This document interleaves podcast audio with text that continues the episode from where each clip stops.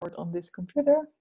Ja, we zijn aan het opnemen. Nou, Annabel heeft mij een paar hele mooie vragen gestuurd over eigenlijk mijn werk als coach. Hè? Het over mijn werk als, uh, als coach en als, als zelfstandige ook, met een eigen coachbedrijf. Um, dus we gaan die vragen gewoon eens even één voor één doorlopen en uh, kijken wat dat oplevert. De eerste vraag die ik heb gezien is: hoe maak je podcasts en video's precies? Um, dus bedoel je gewoon van hoe kom je op het onderwerp en zo? En hoe, hoe, of bedoel je meer technische, zeg maar? Technische meer. Technische meer, ja. Um, ik maak mijn podcasts via mijn telefoon. Ik heb een iPhone en daar zit een. Uh, oh, ik hoor een hond, denk ik. Ja, ik ga af en toe wel nog eens uh, opkomen, denk ik. Oh jee. Ik ga proberen de deur toe te doen. Is goed.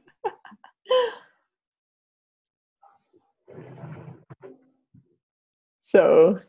Ja, dat kan ik helaas niet vermijden. Hondjes maken altijd lawaai, hè? ja, dus de eerste vraag is van hoe maak je precies je podcasts en je video's?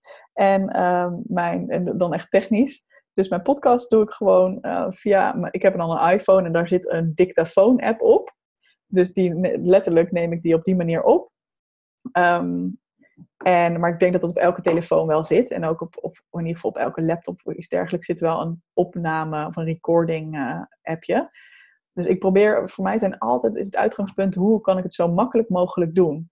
Want zeker als je bijvoorbeeld elke week echt zoiets wil doen, dan ja, als het een heel ingewikkeld technisch proces is, dan vind je, doe je dat één keer of twee keer. En de derde keer denk je al, oh, ik heb er nu even geen zin in of geen tijd voor, weet je wel. Mm-hmm. Dus uh, dat probeer ik zo makkelijk mogelijk te doen. Dus, dus gewoon letterlijk via mijn iPhone. Um, en dan vervolgens zet ik het in een mapje in Dropbox. Um, en ik heb het nu heel goed geregeld dat ik dan uh, assistentie heb, zeg maar, die het voor mij dan uploaden. Uh, nou, in, in, mijn geval op Soundcloud. En zo wordt het ook op mijn website gezet. Maar je kunt het ook gewoon zelf rechtstreeks doen. Bijvoorbeeld naar Soundcloud of iets dergelijks. Ik wil zelf wel in de toekomst ook het op Apple Podcasts en op iTunes gaan doen. Maar dat, dat moet nog even gaan gebeuren. Dus dat is toekomstmuziek. Mm-hmm. En de video's is, uh, ik heb ook een uh, MacBook. En daar zit een um, programmaatje op dat heet iMovie. Dus daar, dat gebruik ik daar dan vaak voor. Maar je, je hebt bijvoorbeeld ook een gratis tool. En die vind ik ook best wel fijn. Die heet Loom. Dat schrijf je L-O-O-M. En dat kun je dan gewoon downloaden op je computer. En dan kun je kiezen van wil ik mijn scherm opnemen of mijn gezicht of beide. Um, en dan kun je gewoon letterlijk het aanzetten, gaan kletsen. Wanneer je klaar bent, druk je op een knopje en dan heb je je video online. Dus zo simpel kan het al zijn, weet je wel? Dus heb jij nog aanvullende vragen daarover? Of? Um, en dan, als het filmpje klaar is, dan, uh, dan zet je het op YouTube. Nou ja, precies. Dus het hangt er een beetje vanaf waarvoor ik het gebruik. Als ik nu een filmpje maak, um, wat echt bedoeld is als bijvoorbeeld een, een blogje of zo. Hè? Dus dat ik echt zeg van, hey, in deze video deel ik 10 tips met je, lala dan zou ik het inderdaad um, naar YouTube uploaden. Um, dus dat kan bijvoorbeeld als je het via Loom maakt, kan je hem zelf eerst downloaden. Dan kun je op YouTube hem weer uploaden. En dan zet ik die weer op mijn site. Want ik vind het zelf heel fijn dat alles uiteindelijk op mijn site staat.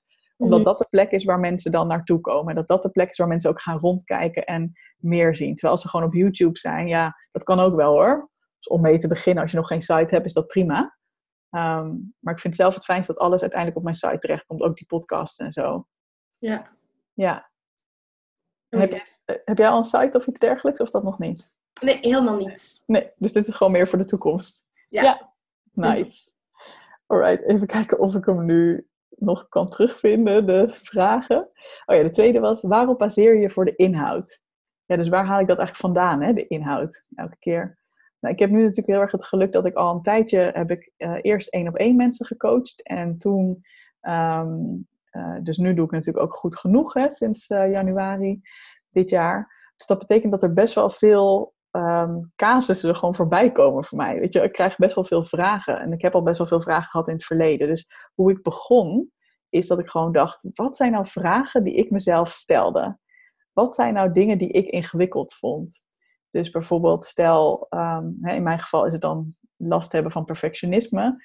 Wat waren nou dingen waar ik tegenaan liep? Bijvoorbeeld, oh, ik ben altijd zo moe, wat kan ik daartegen doen? Of, oh, hoe zorg ik ervoor dat het wat minder druk wordt in mijn hoofd? Of, weet je wel, hoe ga ik om met, weet ik veel wat, solliciteren terwijl ik last heb van perfectionisme? Dus ik probeer altijd te denken van, wat is een vraag van iemand? Want als het goed is, als jij als coach bijvoorbeeld gaat werken, uh, dan heb jij iets te bieden van waar jij misschien wel zelf een transformatie in hebt gemaakt. Dus jij stond op punt A, je staat nu op punt B. En het is altijd heel goed om terug te denken aan, oké, de mensen die ik wil bereiken, die dus dat probleem nog hebben, waar lopen die tegenaan? Wat zijn nou de dingen waar ze dagelijks mee te maken hebben, waar ze echt heel graag antwoord op willen? Uh, en die probeer ik dan altijd te gebruiken voor de inhoud, zodat het echt iets is wat aansluit bij, uh, bij mensen. Herken je dat, uh, dat dat een handig thema kan zijn? Ja, zeker en vast. En de inhoud van de filmpjes is dan vaak de inhoud die je zelf ook geleerd hebt in coachingprocessen? Of? Ja, precies. precies. Ja, dus ik probeer gewoon heel transparant um, ja, te delen van hey, dit is wat mij geholpen heeft. En soms zijn het echt gewoon hele praktische tips, hè, van bijvoorbeeld ga mediteren of doe dit. Soms is het ook gewoon meer mijn verhaal vertellen, meer inspireren. Van hey, als je dit ook hebt, ik had dit ook en weet dat het kan veranderen. En ik, hè, of bijvoorbeeld, ik neem er dus een voorbeeld ook van een cliënt of zo. Um, van hey, dit is waar zij eerst, hoe zij er eerst naar keek. Maar toen we het erover hadden, keek zij er anders naar. Weet je wel? Dus soms hoeft het niet eens een, een tip te zijn, maar gewoon hey, een andere manier van er naar kijken. Of hey, heb je er al wel eens zo over nagedacht? Of hè, gewoon een ander perspectief. Dat kan ook al, uh, al heel interessant zijn. Mhm. Dus wat bijvoorbeeld bij mij in het begin ook wel hielp, um, is om gewoon een lijst te maken met iets van 25 onderwerpen. En gewoon ook niet daarin te perfectionistisch te zijn, maar gewoon lekker te gaan schrijven. Wat zou ik allemaal kunnen delen? En misschien denk je in het begin, oh, oh, ik weet niet of dit goed is. Maar gewoon lekker door te gaan. En op een gegeven moment dan komt je brein ook wel op ideeën. Terwijl als je nu denkt van, oh, ik moet in één keer het perfecte onderwerp hebben, dan, uh, ja, dan blokkeer je ook een beetje, weet je wel? Mm Want heb je al dingen waarvan je denkt, oh, die zou ik wel kunnen delen? Um, ja, ik denk heel concreet aan zo... Rond meditatie ben ik wel heel hard zelf aan de slag. En denk ik dat ik wel al ja, uh, ja, mindfulness zou kunnen geven in sessies of zo um, relaxatietechnieken. Cool. En, en dat zou ik wel leuk vinden. Um, en ja, ik denk rond angsten, zo'n zo zaken, dat wel lukt. Maar ja, uiteraard is er altijd zo'n ding van ja, maar dan moet ik het heel grondig doen en dan moet ik heel het pakket kennen. Ah. Vragen stellen die ik niet kan beantwoorden. Oh nee, dan sta ik daar zo met mijn, met mijn mond vol tanden. Van, oh, ik weet het. Ah, leuk. Leuk dat je dat even aangeeft, want dat, is, dat herken ik ook heel erg van toen ik het in het begin uh, deed. Dat was ik alweer een beetje vergeten, maar nu je het zegt, denk ik, oh ja, dat had ik ook. Um, dat je dan denkt, oh, maar ik deel nu drie tips, maar misschien zijn er wel acht tips die nog veel beter zijn. En dan kom ik hier met mijn drie tips, weet je wel. Of inderdaad, dan komen er vragen over de onderbouwing, de theoretische onderbouwing. En dan weet ik dat niet. Nou, ik zal je geruststellen, dat laatste gebeurt gewoon vrijwel nooit. Er is bijna nooit iemand die daadwerkelijk zoiets heeft van, oh, oh, waar is dit dan op gebaseerd? En wat mijn keus daarin is geweest, is ook om heel erg dicht bij mezelf te houden van, hey, uh, als je dit en dit herkent, ik heb dat eigenlijk zelf ook meegemaakt. Misschien heb je wat aan mijn manier om ermee om te gaan. En daarmee zeg ik ook niet van dit is de enige manier, of dit is de juiste manier, of dit is de wetenschappelijk onderbouwde manier. Eigenlijk heb ik het daar gewoon helemaal niet over. Ik heb het gewoon over ik deel mijn verhaal met jou en ik hoop dat jij er ook wat aan hebt. Mhm. Dus dat heeft mij wel heel erg geholpen om gewoon te kunnen denken: oké, ehm, begin maar gewoon. Begin maar gewoon. Want je kan inderdaad gaan zitten wachten totdat je de perfecte 25 tips hebt, maar daar wordt niet per se je verhaal beter van. Het is mhm. vaak juist als je heel erg persoonlijk en heel erg gewoon, nou, dit is wat ik nu op dit moment te delen heb. En stel dat jij over een week bedenkt, oh, ik had deze tip ook nog, nou, dan neem je weer een nieuw verhaaltje op. Weet je, dat is ook allemaal niet zo mhm. spannend. Er zal ook soms best wel wat overlap zitten en soms zal ik heel veel delen over iets en soms weer wat minder, maar dan ga je weer wat dieper op iets in. Mhm. Want ja, je brein werkt natuurlijk ook zo dat wat jij nu op dit moment bedenkt, dat is, dat is iets, maar je ontwikkelt je ook zelf weer verder. En je, hebt, hè, je denkt ook, als je in een andere staat bent, denk je weer op een andere manier over dingen na. Dan kun je het weer vanuit een andere hoek belichten. Dus het hoeft, ja, het hoeft ook niet perfect te zijn. Dat zou ik eigenlijk willen zeggen hierover. Gewoon mhm. lekker beginnen met delen. En um, ja, dan, dan merk je vanzelf, oh wacht, het is, het is allemaal niet zo spannend. En juist ook door zelf niet te verwachten dat het perfect hoeft te zijn, um, kun je al veel eerder waarde gaan bieden. Want als jij wacht tot het moment dat je denkt, ja, nu heb ik het echt perfect. Ja, misschien zit, zitten er wel jaren tussen, weet je wel. En al die tijd had je al mensen kunnen inspireren. Mhm. Dus uh, dit is een beetje zo'n start before you're ready tip. Ja. En uh, als er dan vragen komen van uh, coaches waar dat je niet direct tools voor hebt, of waar dat je niet direct een antwoord op hebt, niet qua theoretische onderbouwing, maar nee, nee, nee. dan, uh, ja, wat doe je daar dan mee? Ja, dat is wel een goede vraag. Um, kijk, ik geloof er zelf heel erg in dat je als coach ook niet alle antwoorden kunt hebben en ook niet alle antwoorden hoeft te hebben. Mm -hmm. Dus um, volgens mij is het belangrijkste dat je gewoon heel goed in staat bent om door te vragen bij de ander. Je kunt altijd onderzoeken, oké, jij komt nu met deze vraag, vertel eens, waarom is dit belangrijk voor jou? Vertel eens, wat is het effect hiervan op jouw leven? Dus je kunt altijd nieuwsgierig zijn. Eigenlijk is het altijd goed om nieuwsgierig te zijn. Gewoon, oh, vertel er eens wat meer over. Uh, hoe lang heb je dit eigenlijk al? Is dit al je hele leven een issue geweest? Um, is het op sommige momenten meer, op sommige momenten minder? En je hoeft niet altijd al die vragen te stellen, maar ook een beetje op basis van wat je, wat je terugkrijgt uit het gesprek. En door dat samen zo aan te gaan, kan je wel kijken van, oké, nou wat voor thema's komen er dan bovendrijven? En wat ik ook altijd wil doen, is kijken van, hé, hey, wat valt mij op aan de manier hoe iemand het vertelt? Hè, dus in mijn geval gaat het natuurlijk over perfectionisme. En dan soms hoor ik al aan de manier hoe iemand erover praat, heb ik helemaal niet per se een oplossing voor diegene's probleem. Maar dan denk ik wel, hé, hey, je klinkt ook best wel streng voor jezelf hierover. Klopt dat? En dan ga je daarover hebben bijvoorbeeld. Hè, Mhm. Dus eigenlijk gewoon door nieuwsgierig te zijn, door door te vragen. Je kunt ook gewoon letterlijk vragen aan iemand, uh, wat zou je heel graag willen hierin? Wat zou voor jou nou heel fijn zijn hierin, als even alles mogelijk was? Mm. Door dat soort dingen um, kom je wel weer op een heel mooi pad. En ik denk ook gewoon, um, ik heb zelf dan niet per se een diehard coachopleiding gedaan, maar ik heb wel een paar trainingen gevolgd, ook op dit gebied, van gewoon goede gesprekken voeren. Ik denk dat dat op zich wel heel mooi is, dat je altijd weet van, hoe kan ik iemand helpen, ook als ik niet het antwoord heb. Want uiteindelijk is het doel natuurlijk niet dat jij alle antwoorden hebt, maar is het doel dat je iemand helpt om tot het antwoord te komen voor, voor diegene zelf. Mhm. Dus ja, daar zou misschien een coachopleiding of iets, uh, hè, zou daar best wel in kunnen helpen. Mhm. Dat je ook gewoon, wat mij heel erg heeft geholpen, is zelf gecoacht worden en zien wat voor vragen mensen stellen die mij verder helpen en die mij aan het denken hebben gezet. En Mhm. daar die vragen leen ik gewoon. Dat ik denk, oh, dat is mooi, die ga ik ook gebruiken, weet je wel. Dus zo probeer ik dat te doen. Ja. Ja, en je, je kan zelfs letterlijk op een gegeven moment zeggen, ja, goh, dat, maar god, dat klinkt wel ingewikkeld zeg, jeetje. Nou, ik kan me voorstellen dat je daarmee zit. Ja. Goh, ik zou ook heel graag willen dat ik nu zo'n oplossing voor je heb. Maar ja, zo werkt het natuurlijk helaas niet. Dus vertel, wat zou je, wat zou je hierin helpen? Wat zou, jou, wat zou je nou heel fijn vinden hierin? Mhm. En dan leg je het eigenlijk gewoon weer bij die ander terug. En dan kun je ook kijken, oké, wat houd je dan tegen daarin? Hè? Mhm. Dus je wil daarheen. Wat houd je tegen om daar te komen? Oké, wat zou je daaraan kunnen doen? Mhm. Zo, ja, zo ben ik ook niet meer zo bang om vragen te krijgen waar ik geen antwoord op heb.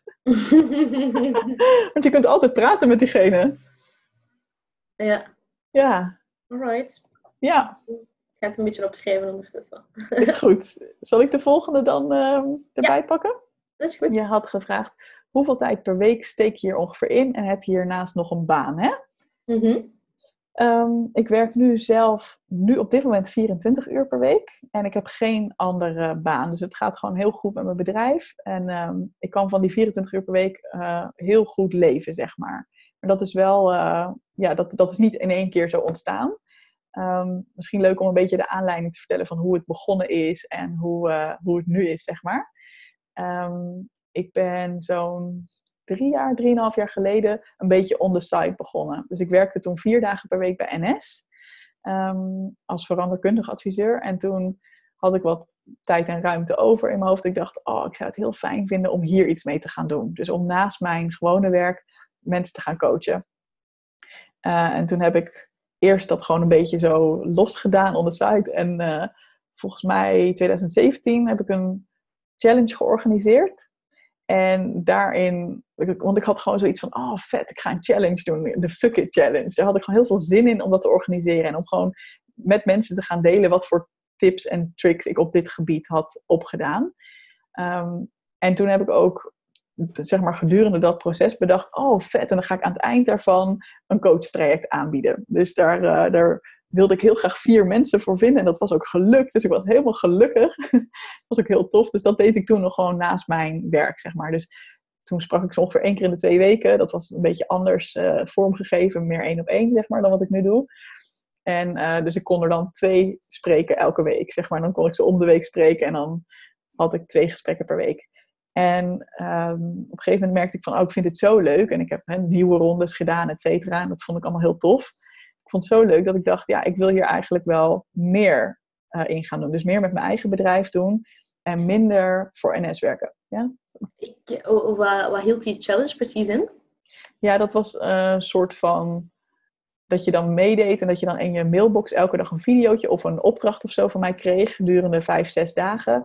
Uh, die allemaal gericht waren op gewoon, ja, weer, meer bij jezelf komen, je perfectionisme loslaten, et cetera. En aan het eind daarvan gaf ik ook een webinar. Dus hè, hoe jij ook bij mij bent binnengekomen met een, zo'n online training. Uh, dat heb ik toen dus ook niet dezelfde, maar een andere. Die ging over balans in je leven en dat soort dingen.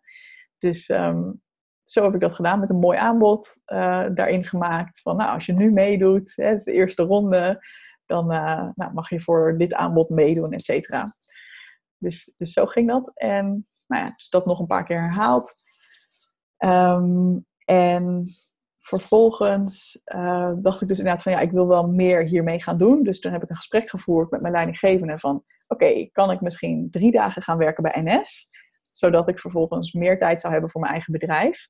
Alleen toen kwam het nieuws dat um, mijn uh, functie zou worden opgeheven. Als in echt binnen twee weken of zo werd, onze, werd bekend dat onze afdeling zou worden opgeheven.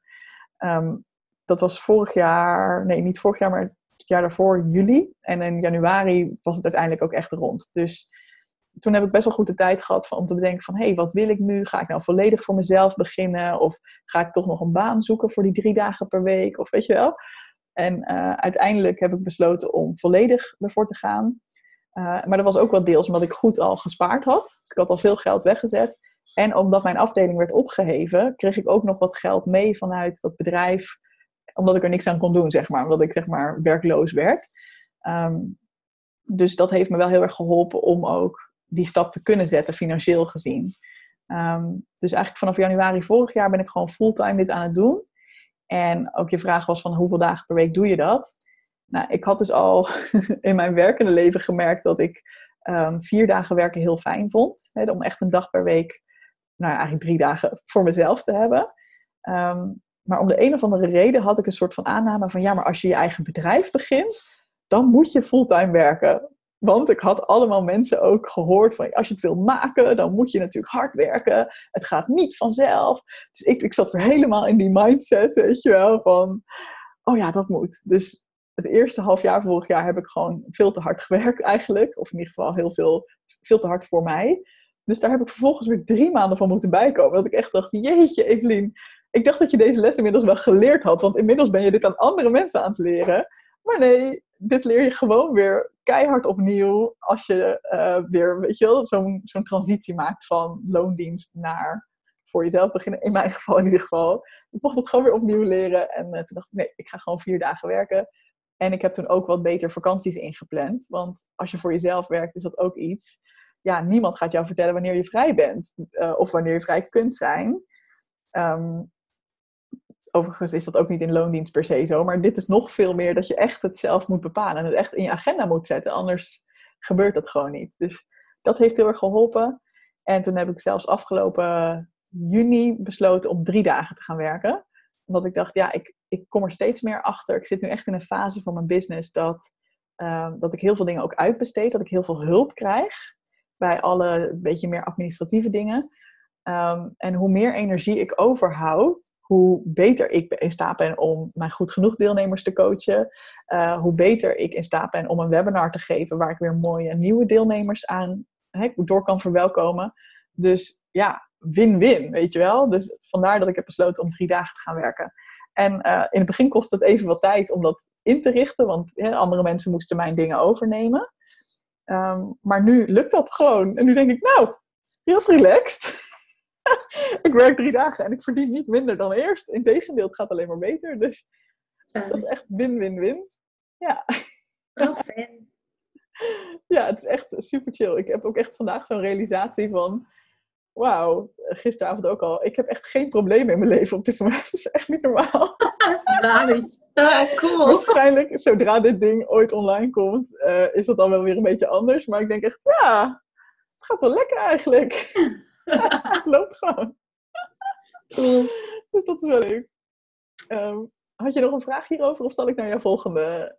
eh, Nee. Volgende? Ja. Oké. Je vroeg welke investeringskosten komen erbij kijken. Mooie vraag ook. Ehm, ik vond het zelf eigenlijk wel meevallen, omdat ik zelf heel erg ben begonnen vanuit zo min mogelijk geld uitgeven. Hè? Want in het begin denk je nog, ja, en dat is ook terecht, denk ik. Eerst maar zien dat er geld inkomt, weet je wel, voordat je heel veel geld uitgeeft. Maar er zijn natuurlijk wel wat kosten die je moet maken, of in ieder geval die ik heb gemaakt. Ehm, bijvoorbeeld een website vind ik gewoon wel een, eh, een goede aanrader. En bij, voor al deze dingen geldt, het hoeft niet perfect. Het belangrijkste is dat je gewoon klanten binnen gaat halen.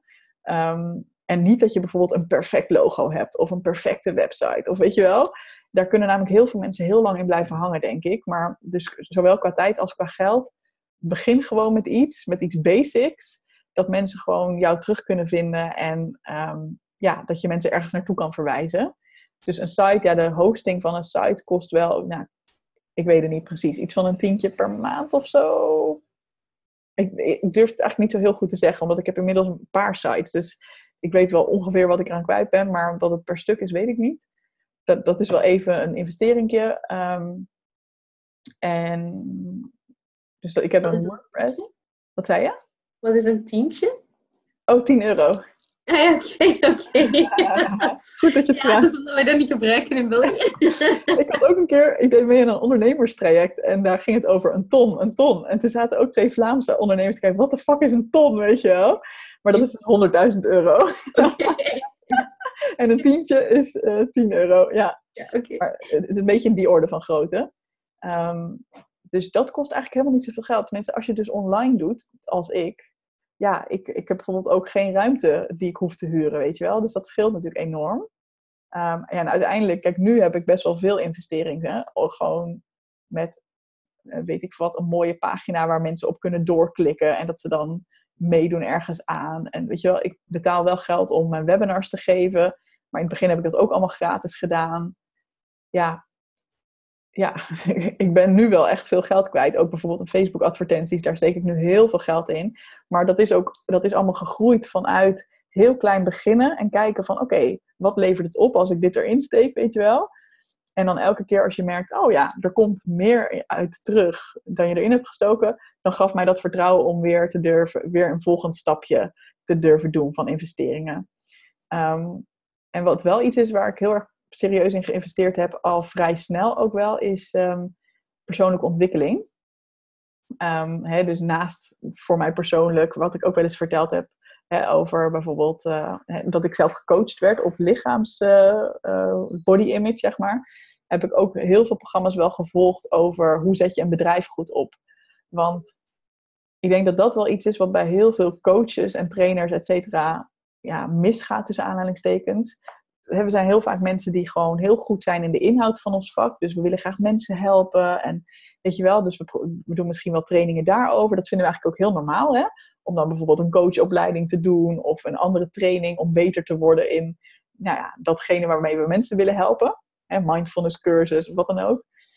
Maar het opbouwen van een bedrijf is echt een vak apart Mhm. En marketing is echt een vak apart. Dus eh, als dat niet iets is wat van nature al in je zit, of wat je al, weet je wel, bij wijze van spreken op de unie hebt geleerd, of waar dan ook, de universiteit. dat doen jullie hetzelfde, denk ik. En dat zeggen wij niet, maar ik dacht wel, eh, begrijpt het wel, ja. wel afleiden. Weet je, dan, dan is dat gewoon best wel heel erg slim om daarin te investeren, denk ik. Eh, het is wel even goed kijken waar, wat je je geld waard vindt natuurlijk. Hè? Welke programma's. Maar ja, ik vond het zelf wel heel erg fijn om echt te leren van... Oké, hoe bepaal je bijvoorbeeld welke, op welke klant je gaat richten? Hoe bepaal je vervolgens eh, hoe maak je een mooi plan dat je daar gratis iets aanbiedt en dan uh, e-mailadressen krijgt en dat je ze dan gaat mailen. Nou hoe werkt dat allemaal? Ehm, alhoewel ik eerlijk moet zeggen, ik, het meeste leer ik toch ook nog wel van gewoon goed kijken naar hoe andere ondernemers het doen. Mm. Dus, bijvoorbeeld van, oh, oké, om maar iemand te noemen, Marie Forleo is zo'n ondernemer, Amerikaanse dame. En ik zag dan gewoon op haar site dat zij bijvoorbeeld een gratis audio iets had. Of een, een, soort van audioboek of iets dergelijks. En dat kreeg je dan.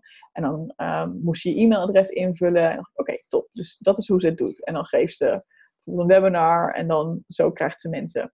En bijvoorbeeld, ik heb ook in Nederland heel veel gekeken naar Simone Levy. Dat is ook een dame die heel erg groot is met um, hoe zet jij een online programma neer. Dus ja, daar zag ik ook gewoon precies van welke stappen zet zij hoe doet ze dat ook in de webinar? Weet je wel, wat voor vragen stelt zij, waardoor ik helemaal denk, oh, ja, weet je wel, hoe, hoe werkt dat precies? Dus, ik, dus naast dat ik als deelnemer keek, omdat ik gewoon van haar kon leren op inhoud, kijk ik ook heel erg altijd mee naar, hey, wat voor slimme dingen doen andere ondernemers qua proces? En ehm, ja, ik denk dat dat wel een goede is ook, omdat heel veel mensen daar misschien ook oordelen over hebben. Hè, van, oh, en dan heb je zo'n webinar en aan het eind komt er dan altijd een betaald aanbod. Nou, nou, nou. En in het begin had ik dat ook wel een beetje, dat ik dacht, nou, nou, ik dacht dat ik hier iets gratis kreeg, maar het is gewoon een verkooppraatje, weet je wel. En op een mm. gegeven moment dacht ik, ja, maar dat is gewoon heel slim, want ten eerste help je mensen al met de gratis tools. En ten tweede is het gewoon heel slim om vervolgens iets betaald aan te bieden, want ja, het is ook gewoon je werk, weet je wel. En bovendien kan je mensen dan weer verder helpen. Dus, nou ja, dat even als heel lang antwoord op de vraag wat de investeringskosten zijn. Mhm. Hoe, uh, hoe klinkt dat voor jou? Nee, ik moest eraan denken, wat, wat mij overtuigd heeft, zelf als deelnemer bij u, was um, mensen die nog zo van alle vragen stelden. En dat je ook eerlijk kon toegeven van, um, ah ja, als, je, als je daar naar op zoek bent, dan denk ik niet dat je bij mij aan het juiste adres bent.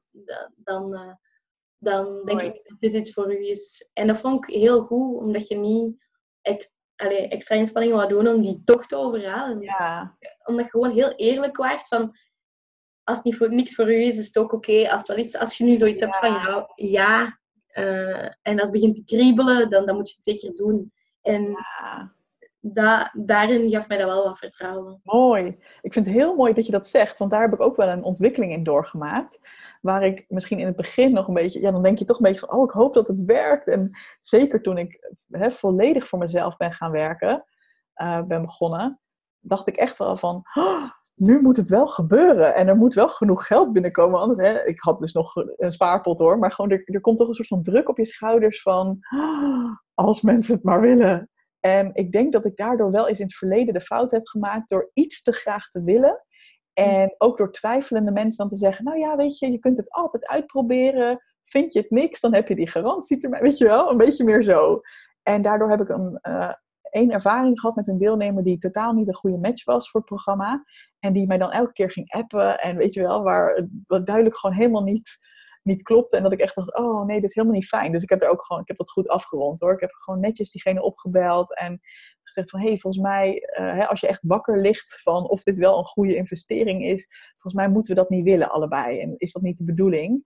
Maar daar heb ik dus heel duidelijk die les van geleerd. Oké, ik ga niemand overhalen. Want als mensen al signalen geven van, oh, ik vind het zo duur, of oh, ik weet echt, ik twijfel enorm of het wel de investering waard is, of ik, twijfel zo, of ik, hè, ik heb bijvoorbeeld deze enorme problemen, maar ik wil toch heel graag hiermee aan de slag. Dan denk ik, oké, weet je, precies wat jij zegt, uh, je hoeft niet mee te doen. Het is oké. Dus als het nu voelt als te groot of te spannend, of je wil er te veel uithalen, misschien moet je het dan gewoon even niet doen nu. Dat is ook oké. En grappig genoeg heb ik inderdaad het idee dat juist mensen dat heel erg, um, ja, hoe zeg je dat? Wat jij zegt, betrouwbaar vinden. het is ook gewoon oprecht hoe ik in elkaar zit hoor, maar het, het is een soort van extra bijeffect dat mensen denken, oh, oh, zij zit hier niet alleen maar om te verkopen. Het is ook echt dat zij wil dat, je, dat ik hier iets aan heb. En niet dat zomaar iedereen mee moet doen. Ehm, en ik heb zelfs een keer gehad, dat vond ik heel leuk, dat iemand zei van, um, toen had ik verteld in de webinar van, joh, als je echt midden in je burn-out zit, misschien is het dan nog een beetje vroeg om mee te doen aan het programma. Weet je wel, wacht dan tot je uh, er een beetje uit bent en dat je ruimte hebt. Want, nou ja, ik wil niemand het gevoel geven van, oh, dan moet je nu alles tegelijk. Weet je wel, dat, dat past niet bij mij.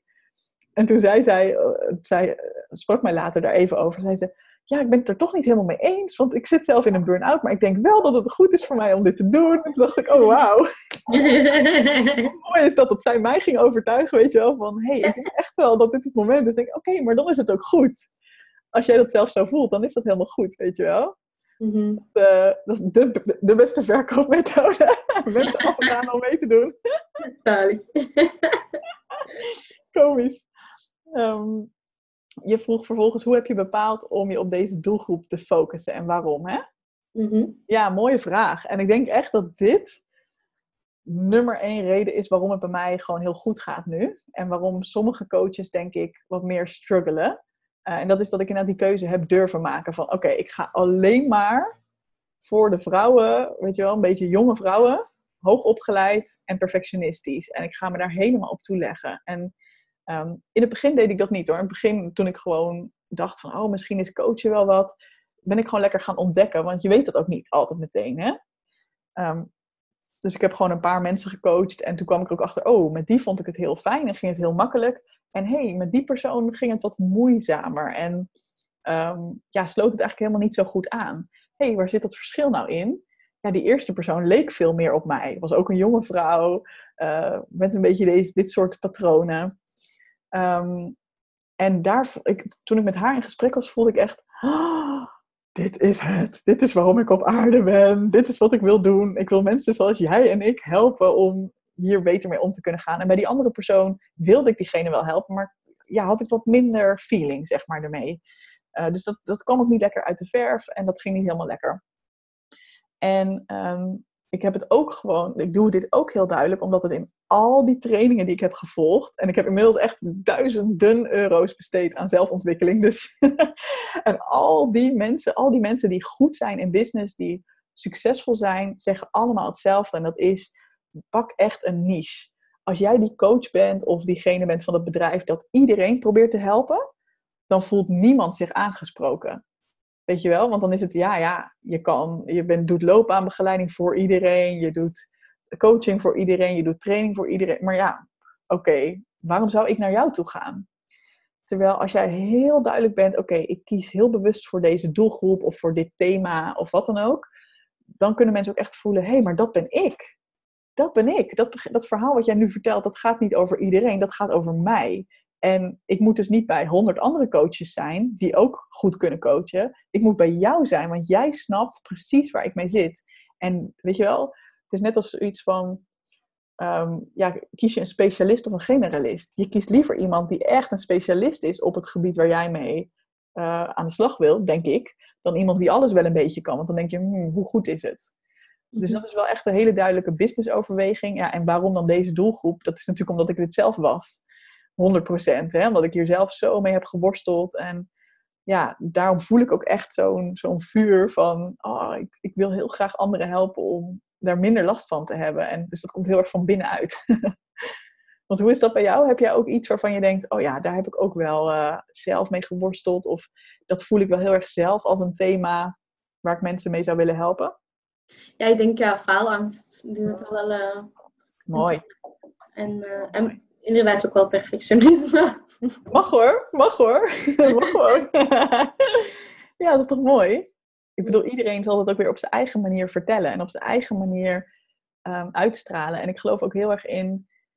Um, we, we, zouden allebei perfectionisme coach kunnen zijn, maar ieder doet op zijn eigen manier haar verhaal. En een deel van onze doelgroep zal overlappen en een deel zal alleen maar door jou aangesproken worden, hè, omdat je net weer een andere stijl hebt. En een ander deel weer juist door mij, omdat mijn stijl ze aanspreekt. Dus ja, ik geloof er ook wel heel erg in dat het helpt om gewoon super authentiek te zijn. En echt op jouw eigen manier je verhaal te doen. En dan gaan er mensen zijn die denken, oh nee, daar wil ik niet zijn. Want in mijn geval bijvoorbeeld, ja, ik ben best wel uh, nou, lekker drukkig, zeg maar, af en toe.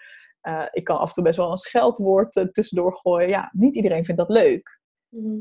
Maar ik denk dat de mensen die het wel leuk vinden, dan eerder denken: oh ja, tof, ik moet echt bij haar zijn. Mhm. En ja, ik denk dat dat eigenlijk best wel goed werkt. Om niet voor iedereen leuk proberen te zijn, maar juist heel erg jezelf te zijn. Zodat mensen ook echt voelen, oh ja, Annabel, daar moet ik zijn. Mm Daar voel ik me echt toe aangetrokken. En dan is vervolgens ook het hele traject leuker, weet je wel. Omdat mhm. jij niet je anders voor hoeft te doen dan je bent. Mhm. Dus uh, wat, uh, ja, dat wat betreft uh, de doelgroep. Welke struggles, vraag je, welke struggles ben je tegengekomen in het oprichten van dit coachingstraject? Praktisch, inhoudelijk, in contact met coaches. Ja, dus bedoel je dan echt ehm, hoe ik goed genoeg heb opgericht, zeg maar, wat ik daarin ben tegengekomen? Ja, denk het wel. Ja, zo. Uh, gewoon in het algemeen uh, hoort heel vaak zo succesverhalen van zo is het allemaal goed gelopen. Maar ik ben vaak ook wel geïnteresseerd in wat waren de momenten dat je echt dat je dacht van oei, ik ga het hier opgeven. Of ja. dat je tegenkwam dat je dacht van oh nee. Ja, ja. dat loopt hier uit de hand en, en hoe dat je ze dan opgelost hebt. Mooi. Ik hou ook heel erg van die vraag. Want inderdaad, het is zo makkelijk voor mij ook om nu te zeggen: Oh, het gaat echt zo goed met me en ik werk nu drie dagen en lullen. En dan kan je bijna vergeten wat er allemaal aan vooraf is gegaan, weet je wel? Want het is echt niet vanzelf gegaan. en ehm, als ik terugkijk, ehm, in het begin ben ik heel erg gewoon heel veel nieuwe dingen gaan proberen. Dus ik heb best wel een aantal programma's gemaakt en dat in de markt gezet. En wat ik in het begin ook heel erg deed, was dan weer iets nieuws ontwikkelen. En dan dat weer proberen te verkopen, weet je wel. En dan de ene keer ging dat prima en hè, lukte dat best wel. En de andere keer nou, kwam er wat minder respons. En wat ik vooral heel erg merk is dat het zoveel energie kostte. Omdat ik elke keer weer opnieuw eigenlijk dacht: oké, nu heb ik dit een keer verkocht. Maar ja, ik kan nu natuurlijk niet met hetzelfde programma aankomen. Dus dan ging ik weer iets nieuws bedenken. Of weer een nieuwe challenge bedenken, weet je wel. Of een nieuwe, weet ik veel wat. En al mijn tijd zat eigenlijk in het ontwikkelen van al die nieuwe dingen. Dus één ding wat ik de laatste tijd heel goed heb geleerd is ehm, om juist te gaan herhalen. Om juist, hè, dus nu bijvoorbeeld is mijn focus echt goed genoeg. En dat ga ik keer op keer op keer aanbieden en uiteindelijk ook verbeteren. En weet je wel, dat is echt mijn focus. Ehm, maar dat wil niet zeggen dat als ik daarop terugkijk, dat ik dan nu spijt heb van al die dingen die ik eerder geprobeerd heb. Want al dat soort dingen zorgt er ook voor dat ik nu best wel veel heb om uit te putten. Hm. Bijvoorbeeld uh, de inhoud van Goed Genoeg is voortgekomen uit een programma wat ik begin vorig jaar al gemaakt had. Dat heette Droomschool. En ehm, ja, daarin, dat was een iets bredere insteek van hey, hoe kun je je dromen gaan volgen en je daardoor niet laten tegenhouden door je perfectionisme, zeg maar. Ehm, ja, ik merkte zeg maar dat, dat dat was een prima programma, maar ik voelde ook niet helemaal dat ik dat precies op die manier opnieuw wilde doen. Dus dan kon ik even denken van, oh shit, heb ik dat voor niks gemaakt, weet je wel, al die tijd erin gestoken. Maar op een gegeven moment dacht ik, nee, want de inhoud is heel goed. Ik haal gewoon wat weg en ik doe het in iets andere volgorde. Maar ik heb dan wel de bouwstenen om op voor te bouwen. Dus als er iets is wat ik heb geleerd, is het ook experimenteer gewoon. Ga gewoon dingen proberen. Wees ook niet bang dat het dan allemaal voor niks is, want heel vaak kun je dingen later nog hergebruiken. Dus dat is wel één ding. Een andere les is dus inderdaad ook wel echt van, als je uiteindelijk echt geld wil gaan verdienen en gewoon rond wil kunnen komen van coaching of online programma's of wat dan ook, ja, dan kun je niet elke keer iets nieuws verzinnen. Dan moet je op een gegeven moment gewoon kiezen, hé, hey, waar geloof ik echt in? En mhm. daar vol op in gaan zetten en dat vaker gaan verkopen. Want dan, dan kan je tijd ook echt gaan zitten in het verkopen en het goed helpen van de mensen. In plaats van weer iets nieuws bedenken. Dus dat is ook wel echt iets wat ik geleerd heb. Um, en dingen die moeilijk gingen, ja. Ja, ik heb ook wel eens gewoon periodes gehad dat er gewoon minder uh, aanmeldingen waren van klanten of iets dergelijks.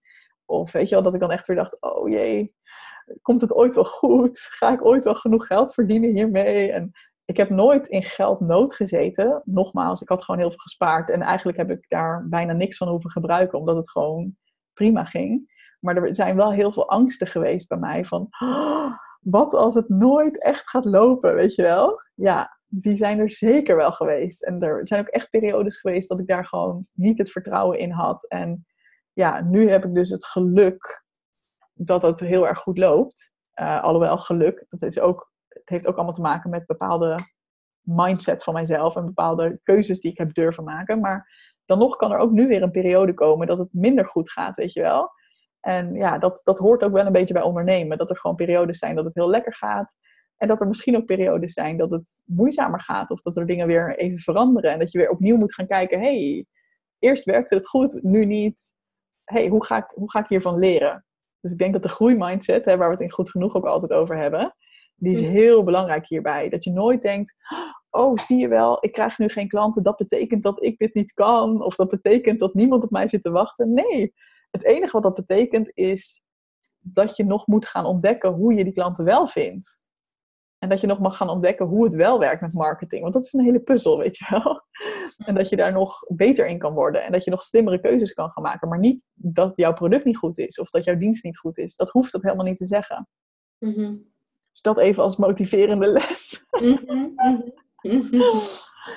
Ehm, ja, verder eh, praktisch inhoudelijk en in contact met coaches valt het reuze mee. Ik heb echt heel, heel erg geluk met mijn klanten, met mijn coaches. Die zijn allemaal echt superleuk. ik had dus eventjes dat moment wat ik je net vertelde over hè, iemand die was begonnen en dat het niet helemaal de match bleek. Ehm, maar goed, daar zijn we ook in goed overleg uitgekomen. Dus nee, ik, eh, en, en wat daarin denk ik wel heel erg helpt, is ook weer dat ik zo duidelijk ben met wie werk ik wel en met wie werk ik niet. Ja. Dat ik ook heel erg duidelijk zeg van, ja, ik hou ook gewoon heel erg van die mensen die gewoon po- enigszins positief ingesteld zijn en er echt iets van willen maken. En voor mij is dat heel fijn, want daardoor komt er ook niet zomaar een ontzettende azijnpisser in mijn programma. Ja, nee, ja, maar serieus. Ik bedoel, dat is iets waar ik niet goed mee om kan gaan als iemand alleen maar negatief is. Hoeft niet voor andere mensen te gelden. Hè? Misschien kan diegene wel leuk ergens anders terecht, maar dus ik ben best wel duidelijk over dit. Dit zijn de mensen die de beste resultaten halen met mijn programma en waar ik het beste mee werk. En ja, bijna magischerwijs gebeurt het dan ook dat er allemaal hele leuke mensen in zo'n programma komen. Mhm. Ehm, dus ja, nou ja, wat misschien wel een uitdaging was, ehm, we hadden die WhatsApp community, hè? Mhm. Ehm, daar, heb je, daar zat jij, denk ik, zit jij ook in. Mhm. En wat ik daar wel op een gegeven moment merkte van, oh ja, het programma wordt nu groter en groter. Oh shit, want dan komt er op een gegeven moment wel heel veel input op je af. Zowel Mm. als deelnemer als voor mij en Davy, die de community managt. En toen had ik af en toe wel even het idee, oh jee, elke keer dat ik de app open doe, zijn er weer allemaal nieuwe appjes. En dan moet ik het allemaal lezen en dan moet ik ook iedereen leuk reageren. En, dus dat was wel even een soort van gevoel van overwhelm. Ehm, maar ik probeer daar nu elke keer naar alles wat er gebeurt en wat niet helemaal fijn voelt te kijken als oké. In plaats van oh nee, ik heb dit niet goed aangepakt. Oh wat erg. Of oh dit gaat helemaal mis. Probeer ik te kijken oké, dit is dus een nieuwe, nieuw obstakel of een nieuwe uitdaging. Het is nu niet hoe we willen dat het is. Hoe zou ik wel willen dat het is? Nou, dat het meer rust, meer overzicht. Oké, wat is er dan nodig om dat gewoon te gaan doen? Want het is mijn bedrijf, dus dat is het fijne. Jij mag helemaal zelf bepalen hoe je dat inricht. En jij mag er ook ehm, van gedachten in veranderen. Weet je wel? Dat je gewoon zegt, nou, dit was voor nu goed. En hoe gaan we het in de toekomst doen? Ja, daar mag je gewoon zelf keuzes in maken. Mhm. Dus eh, dat. Ja. Ja, en ik vroeg mij ook nog af, ehm, als de coachcalls er zijn bijvoorbeeld of zo, Ja? vind, vind je het niet heel verwarrend om te praten en te lezen tegelijkertijd? Ik ben altijd, my goeie Linda, zo multitasken. bedoel je als ik bijvoorbeeld een vraag voorlees? Of bedoel je als er bijvoorbeeld Ja. gechat wordt of zo? Of, eh, Ja, op het moment dat, dat je al de gedichtjes ziet verschijnen, of als er vragen komen, of, of al die mensen aanwezig zijn, om dan op dat moment iedereen evenveel aandacht te geven. Of, of Oh ja. ja, Ja. Dan, dat denk ik wel echt zo, oh, ah, dat moet echt heel stresserend zijn. ik weet niet of je dat ook zo aanvoelt. ik vind het wel een leuke vraag. Nee, ik, ik heb het wel. Er was één keer waren er heel veel mensen tegelijk live. Toen waren er ook heel veel vragen gesteld. En toen dacht ik wel even, oh wauw, oké, dit is wel een dingetje. Ehm, maar ook daarbij denk ik dan weer, sowieso, ik denk dat het niet mogelijk is om iedereen evenveel aandacht te geven. Snap je? Dus dat is misschien al een soort van eh, overtuiging die ik misschien al probeer los te laten. Ik zou het wel willen. Hè? Ik zou het willen dat iedereen het gevoel heeft van, oh, ik ben hier en Evelien ziet mij. En weet je wel, dat wil je natuurlijk het liefste. Maar ja, ik denk dat anderen ook wel snappen, ja, als er 30 mensen tegelijk live zijn, dan kan ze niet iedereen ehm, evenveel aandacht geven. Dus nou ja, wat ik, wat ik probeer te doen als ik merk dat het bijvoorbeeld veel is. Dus dat had ik één keer dat er echt 23 vragen waren die ik dan allemaal achter elkaar ging behandelen, weet je wel. 2,5 uur coachend verder. En iedereen was eigenlijk helemaal gaar van het kijken naar die coachcall. En eh, nou ja, ik zelf ook enigszins gaar. Dan denk ik wel, oké, prima dat het nu zo gebeurd is, maar dat is niet de ideale situatie. Dus dan ga ik weer mezelf vragen, wat zou wel de ideale situatie zijn? Dus ik heb toen eigenlijk in twee delen heb ik dat veranderd. Uh, in eerste instantie heb ik gezegd, oké, we gaan voortaan een uur live. En alle vragen die nog over zijn na dat uur, die doe ik op een ander moment. Gewoon puur om het voor mezelf ook wat relaxter te maken. Van oké, weet je, we gaan nu gewoon een uur met elkaar live en ik doe daarin wat ik kan. En ik ga wel alle andere vragen beantwoorden daarbuiten. En daarnaast heb ik de beslissing gemaakt om niet meer s'avonds te gaan coachen. Want dat merkte ik zelf, dat mijn energie is dan gewoon niet helemaal optimaal. Uh, en zeker als het dan heel lang duurt, weet je wel, dan ben ik helemaal een soort van van de wereld. Want ik heb overdag heel veel energie, maar dan in de avond neemt het gewoon een beetje af. Dus ook daarin heb ik de, de soort van moeilijke keuze gemaakt van oké, voortaan gaan die coachcalls dus op een vrijdagmiddag plaatsvinden. Wat betekent dat niet iedereen er meer altijd live bij zou kunnen zijn. Ehm, want ja, veel mensen moeten dan gewoon werken. Dus daar heb ik dan best wel even tegen aangehikt van oh, kan ik dat dan maken of niet? Ehm, maar ja, toch besloten van ja, uiteindelijk wat is het, de meest ideale situatie voor mij en voor de deelnemers? Dat is denk ik als ik er met veel energie zit en weet je wel, het, beste van mezelf kan geven. Dus toch dan die beslissing gemaakt om het overdag te gaan doen. En wie weet verander ik het wel een keer terug, maar uh, voor nu is dat in ieder geval uh, zo. En ja, van al die. Ik, ik denk ook gewoon.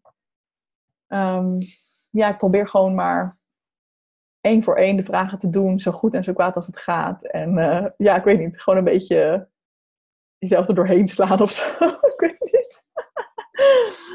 ja, ja, ik vind het op zich dat mensen ook live zijn, vind ik juist ook wel heel leuk het is soms inderdaad wel veel hoor. Als je veel vragen hebt en dan wil je eigenlijk ook nog even met iemand persoonlijk. hey, hoe vond je dit? Of wat heb je eraan gehad?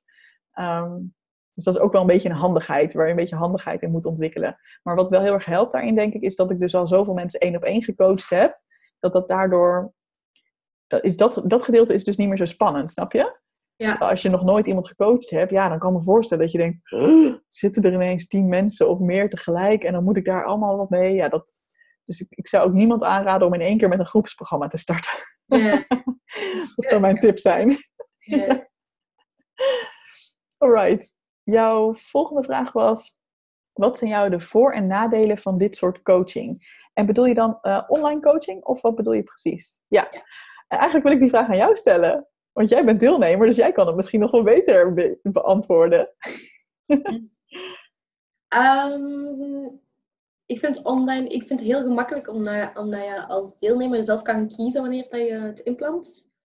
Um, ik uh, kan bijvoorbeeld ook echt uh, op weg naar uh, het werk beluister ik vaak podcasts ook of lessen.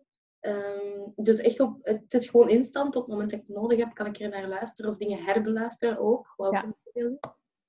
Um, dus dat is, dat is handig. Uh, ik denk als coachgever kan ik me voorstellen dat dat ook makkelijk in te plannen is. Um, op het moment dat je, dat je het zelf wil. Um, je kunt het, ik denk, denk ook wel, het kan, kan wel algemener blijven als mensen specifieke vragen hebben, dan kunnen ze, kan dat daar nadien ook altijd uh, ruimte voor gemaakt worden. Um, ja, ik denk, um, soms merk ik ook wel als ik nog um, online coaching volg, en dat, dat was mijn, mijn vraag een paar weken geleden, vroeg ik mezelf zo af van, ik denk dat er soms diepgaandere gesprekken kunnen zijn, maar dat gaat dan over één op één. Klopt. Face-to-face. Ehm, als je fysiek bij elkaar in dezelfde ruimte zit. Omdat analoog of digitaal, er is toch altijd wel een verschil qua voeling of qua, ja, dat, elkaar, dat je in dezelfde ruimte zit. En ja, de dingen dat soms nog wel diepgaander kan gaan. En dan het verschil tussen met veel mensen of alleen, is dat er ook gewoon echt uh, ja, meer aandacht kan gaan ja. naar je persoonlijk verhaal. Ja, klopt. Ja, ik denk dat je daar heel, heel mooi samenvat. Dat gewoon Ehm, er zijn heel veel voordelen aan en uh, ik geloof er nu genoeg in om daarom hiervoor te durven gaan ook. Want ik heb een hele tijd gedacht, oh nee, maar dan, dan help ik mensen niet genoeg en ik moet ze allemaal één op één spreken. Um, inmiddels zie ik gelukkig ook dat mensen echt er wat aan hebben. Dus echt, ook mm. zeker als ze er zelf mee aan de slag gaan en bijvoorbeeld vragen stellen tijdens zo'n coachcall of van tevoren. Hè, hoe meer je er zelf mee doet, hoe meer je hier ook uithaalt. Dus dat geloof ik wel heel erg. Um, maar ik ben het met je eens. Het is altijd anders dan één op één. Het is ook altijd anders dan live. Alhoewel, ik moet eerlijk zeggen, het verschil tussen bijvoorbeeld een één op één Skype gesprek en een één op één uh, fysiek gesprek, dat vind ik nog niet eens zo heel groot. Mm. Er is een verschil hoor, ik ben het met je eens. In één ruimte zijn doet gewoon iets met mensen. Maar um, als ik dat ook vergelijk, bijvoorbeeld, uh, ik had een, een, Canadese coach ooit en die, hè, dat coacht mij ook via Skype. En dat ging eigenlijk gewoon hartstikke goed. En je kunt één op één heel veel bespreken. En dat is natuurlijk wel zo. Dus het verschil tussen één op één coaching en een online groepsprogramma waar meerdere mensen tegelijk aan deelnemen. Daar zit natuurlijk altijd als nadeel in dat je minder individuele aandacht krijgt als deelnemer. Dus dat is net waar ik probeer als, als ondernemer, zeg maar, altijd over na te denken van hey, hoe doe ik het nou op zo'n manier dat mensen zich toch gehoord voelen en gezien voelen. En dat mensen toch, wanneer ze persoonlijke vragen hebben, ehm, ja, hier, hier ook echt mee verder kunnen, zeg maar. En dat mm. kan natuurlijk deels zijn doordat je vragen ziet van andere mensen, waardoor je denkt, oh ja, dat heb ik ook. En oh, te gek, nu is mijn vraag beantwoord. Uh, deels zit dat in die coach calls. Ik wil dat ook nu in die Instagram community. Daar heb ik ook echt een Q&A vakje gemaakt. Waar mijn idee dan ook is om ook regelmatig even in te checken van... hey, loop je ergens tegenaan, dan kan ik je daar ook mee helpen. Ehm, maar uiteindelijk klopt het wat je zegt. En het, het is natuurlijk ook gewoon heel erg vanuit business oogpunt voor mij heel fijn. En ook vanuit tijd- en energie-oogpunt. Want met dezelfde tijd die ik nu steek in, bij wijze van spreken, 30, 40 mensen helpen. Ehm, ja, had ik ook bijvoorbeeld één of twee mensen een volledig coach-traject kunnen laten doorlopen. Dus ehm, ja, uiteindelijk denk ik ook dat je voor, ja, hoe zeg je dat? dat het voor beide partijen aantrekkelijk kan zijn. Want als ik uiteindelijk echt van één op één coaching zou willen leven, zouden mijn prijzen echt nog veel, veel, veel hoger moeten worden dan ze ooit zijn geweest. Echt duizenden, duizenden euro's per traject. En nu kan je, ja, het is alsnog een flinke investering natuurlijk, maar kan je toch voor een nou ja, nog acceptabel bedrag, denk ik, ehm, toch echt wel die, die kennis en die kunde overnemen van iemand. En voor mij is het dan dus mogelijk om hiervan te leven, omdat ik dus meerdere mensen kan bereiken het is de schaalbaarder voor mij. Ik kan met dezelfde tijd meerdere mensen helpen. Dus het is voor mhm. mij ook wel heel mooi, omdat ik dan denk, ja, weet je wel, wil ik op een paar mensen heel veel impact hebben. Zo ben ik begonnen. En dat vond ik heel mooi en heel fijn. Maar nu merk ik ook dat ik denk, oh ja, te gek. Als ik met diezelfde tijd nog veel meer mensen kan helpen, dan word ik daar ook heel blij van. Dus dat zijn allemaal afwegingen. Het voordeel is ook als deelnemer dat, dat je ook wel eh, veel hebt aan de vragen van andere deelnemers. Ja. En dat je denkt, ah ja, ja, eh, dat heb ik ook, denk je dan. Daar, daar, had ik zelf nog niet over nagedacht. Ja, ja precies. Dus dat is wel mooi wat je noemt. Ehm, dat is dan wel weer echt een voordeel ook van het groepsproces, hè, waar, als, waar dat één op één natuurlijk veel minder is. En dat merkte ik zelf ook, dat toen ik één op één iedereen ging coachen, kwamen er best wel vaak vergelijkbare vragen. En dan dacht ik, oh, ik heb dit net aan iemand anders zitten vertellen en nu ga ik het aan jou vertellen. En het voordeel bij zo'n groepsprogramma is dat uh, inderdaad dat ik het dan één keer hoef te vertellen en iedereen kan het in één keer horen. Maar ook dat er in het soms vragen zijn waarvan je nog niet wist dat je ze had. Maar dan hoor je het van iemand anders en denk je, hey, wacht eens even, dat heb ik ook. En wat fijn dat ik dit antwoord alvast hoor, want ik, ik was er zelf nooit op gekomen om die vraag te stellen. Ehm, en ik denk ook nog een bijkomend voordeel is dat je elke keer weer ziet, oh wacht, ik ben niet alleen. Ik ben niet de enige die hiermee zit. Want dat gevoel kan je ook wel eens hebben, hè? Ja zit ik hier weer mee met mijn onzekerheid en mijn perfectionisme. En als je dan al die vrouwen ziet die datzelfde hebben, dat kan ook wel zo'n soort van gevoel geven van hé, hey, het is echt oké, weet je wel? We zijn allemaal niet alleen. Dus dat vind ik er zelf ook wel heel erg mooi aan. Mm Dus dat. Mm Alright, uh, dan had je een hele mooie en uitgebreide vraag. Hoe loopt je proces van marketing op Facebook tot het afsluiten van de cursus? Ehm, ja, dat is nogal een proces. Bedoel je gewoon even de stapjes zeg maar, die een deelnemer doorloopt en wat ik dus heb moeten inrichten om van nieuwe klant zeg maar, tot, tot, totdat een programma is afgelopen uh, te komen? Mm Ja. Um, nou, hoe ik het nu aanpak is dat ik inderdaad Facebook advertenties uh, de wereld in zend. Uh, dat laat ik doen door een partij. In mijn geval is dat Sky Amsterdam ik zeg niet dat je daarmee moet beginnen als beginnend coach hoor, maar voor mij is dat nu wel uh, heel erg fijn dat ik het niet zelf hoef te doen.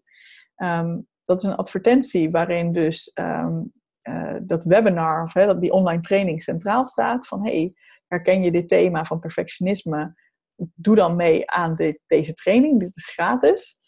Um, vervolgens staan er een aantal mailtjes klaar om ervoor te zorgen dat mensen ook echt daadwerkelijk komen opdagen. Want het is natuurlijk heel vaak kan je heel makkelijk even aanmelden met je e-mail. Maar dan ja, vergeet je het of dan ben je toch een beetje druk. Dus um, er staan een aantal e-mailtjes van mij klaar van... hey, het zou echt leuk zijn als je erbij bent. En ik stel me nog even voor. En nou ja, misschien lees je die niet eens allemaal. Maar gewoon het feit dat je af en toe zo'n mailtje krijgt... verhoogt alweer de kans dat je live komt. Pardon. Um, vervolgens is dan de online training zelf. En um, ja, dat is dan dus die twee uur durende training, waarin ik in het begin dus heel veel ja, uitleg geef, zeg maar, over wat is perfectionisme en ook de stappendeel van, nou, hoe kun je hier nou beter mee omgaan. Maar ik leg ook uit van, ja, als je echt de diepte in wil, dan nodig ik je uit voor goed genoeg. Dus dan doe ik een, dat mooie aanbod voor mensen om mee te doen. Ehm, en het mooie is dat als mensen zich aanmelden, dan gaat het eigenlijk verder redelijk automatisch. Ehm, dus ik, ik, heb dan een, systeem dat heet. Uh, dat, mijn webinar geef ik trouwens via Webinar Geek. Dat is goed om te weten, denk ik. Ehm, en vervolgens melden mensen zich aan via uh, een online programma. Dat, ja, dat heet Poppies. Alleen dat, dat krijg je alleen maar als je meedoet aan een programma van Simone Levy. Uh, dat heet Maak prachtige online programma's. En daar zit een soort van module bij dat je ook je eigen online academie kan bouwen. Dus die, die, dat portaal, zeg maar, waar jij dat allemaal in ziet, al die filmpjes, dat heb ik op die manier uh, gekregen. En dat heeft dan weer iemand voor mij gebouwd. Um, en daarin zit dan dus ook een optie hè, dat, je, dat mensen kunnen betalen en dat mensen dan vervolgens meteen op de e-maillijst terechtkomen. Dus dat is weer een ander programma. En um, ja, vanaf dat moment gaan er dus automatisch e-mailtjes lopen van hey, nu is we, hè, week 1, of nou, eerst welkom natuurlijk, dit is hoe het allemaal werkt. Dan uh, week 1 tot en met 6, dan eventueel bonussen als je die nog hebt. En vervolgens komt er nog een mailtje van hey, dit is het einde van het programma, dankjewel. Misschien dat ik in de toekomst bijvoorbeeld nog een programmaatje ga maken dat daarop aan kan sluiten. Dus dat je dan hè, mooi weer een aanbod kan doen. Maar zo, uh, zo ziet dat er nu uit.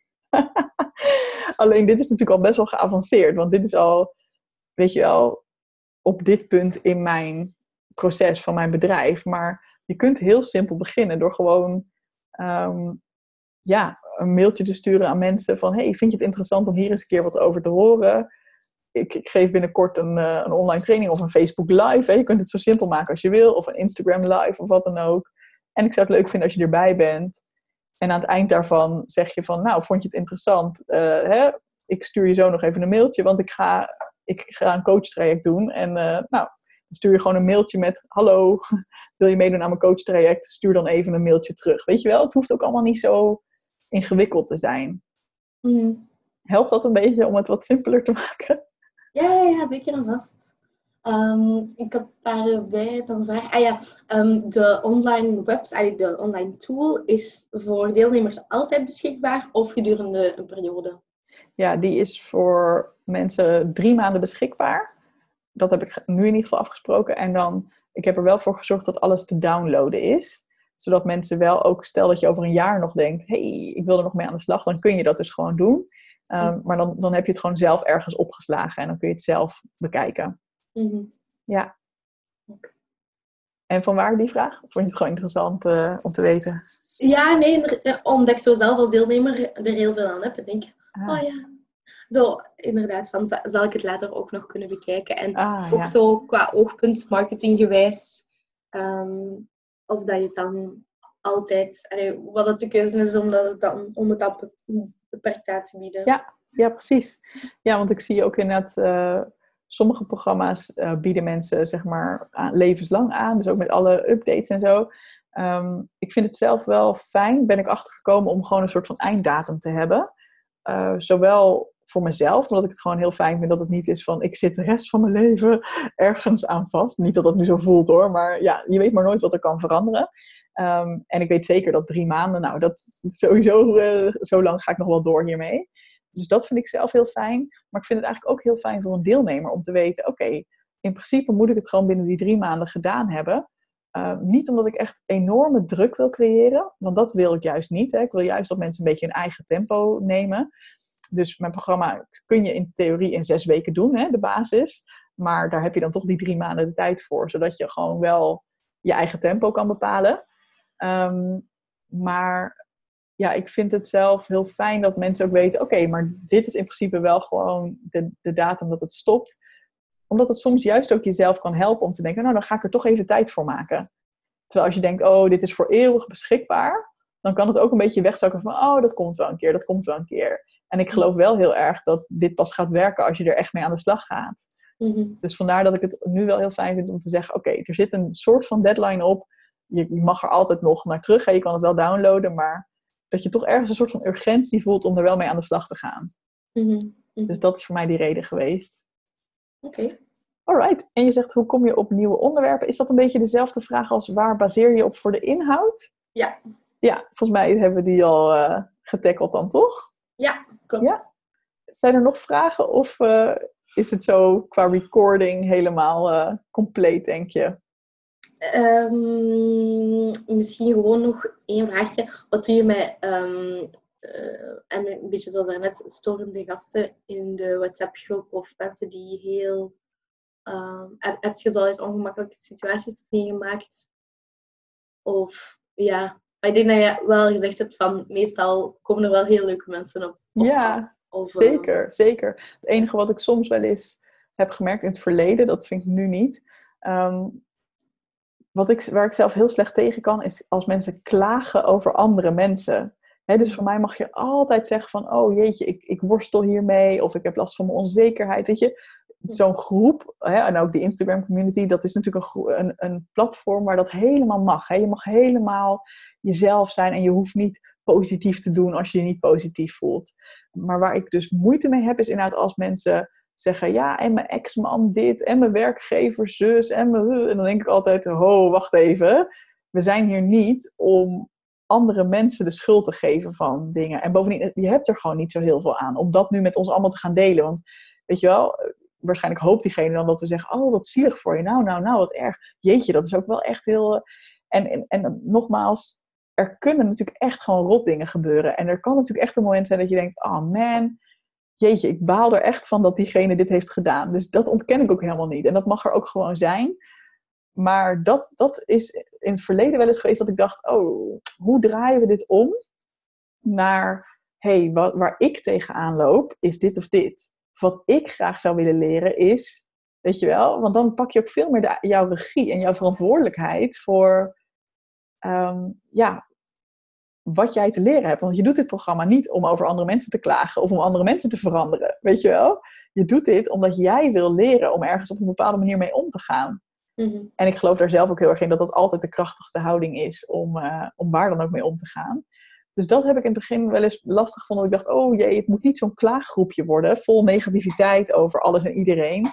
Ehm, ja, en, en hoe ik dat dan probeer te beïnvloeden is bijvoorbeeld ik had toen een keer een filmpje opgenomen van... hey, wat leuk dat je meedoet aan de WhatsApp-groep. Uh, even hoe we het hier doen. Of, dat heb ik dan nu ook in de Instagram-community. Hey, even hoe we het hier doen. Uh, nou, de toon is um, licht, luchtig en licht. En je mag alles delen wat je wil. Maar het gaat heel erg over wat jij wil leren. Dus dan probeer ik een beetje daar sturing aan te geven. Um, en ook wel als iemand echt op zo'n manier reageert... daar ook misschien op een vriendelijke en respectvolle manier op te reageren. Van, hey, en vertel eens, en wat wat doet dit met jou? Want nu gaat het heel erg over die ander. Maar wat gebeurt er bij jou? Want daar kunnen we wat mee. Dus zo mhm. probeer ik dat maar gewoon uh, een beetje vriendelijk te managen. En daar helpt Davy me ook heel goed bij, de community manager. Mhm. ja. ja. Kan je je voorstellen dat zoiets uh, zou gebeuren? Of dat je daar zelf ook last van zou hebben als dat zou gebeuren? Um, ja, ik denk het wel. Um, om, ja, ja. ja, om, om dan zo op, een, op een positieve manier of vriendelijk. Allee, ik denk, voordat je aan iets gaat beginnen, is natuurlijk, natuurlijk eigen aan perfectionisme, denk je gewoon ook aan alle dingen die kunnen mogelijk mislopen of fout lopen. En dan, hoe ga ik ze dan oplossen? Maar dat is een Ja, ja. Ja, wel bekijken. En dat zijn heel logische antwoorden dat je daarop geeft. Dan denk ik, ja, dat is Precies. Weet je, dat soort dingen kan gewoon gebeuren. En dat is ook gewoon, dat zie ik ook wel elke keer. Van inderdaad, in plaats van, oh, ik moet het nu allemaal perfect bedacht hebben. Gewoon, je denkt natuurlijk gewoon goed over dingen na. Dat is logisch, want je wil gewoon mensen iets goeds bieden. Maar vervolgens is het ook gewoon een beetje samen gaan ontdekken. En dat zeker toen ik net begon met zo'n programma. Ik heb ook een keer, ik heb eerst een pilotversie hiervan gedaan. Ehm, en ook hè, mensen gewoon allemaal feedback gevraagd en zo. Toen zei ik ook gewoon heel duidelijk: hey, ik moet het ook samen met jullie gaan ontdekken. Dus we gaan er ook samen achter komen wat goed werkt, wat niet, wat er beter kan.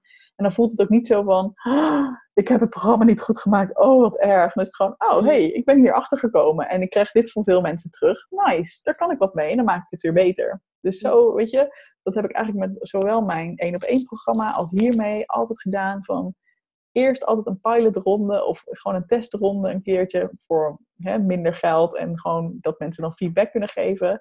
Dat vind ik zelf ook erg lekker werken, omdat je dan ook gewoon merkt, oh ja.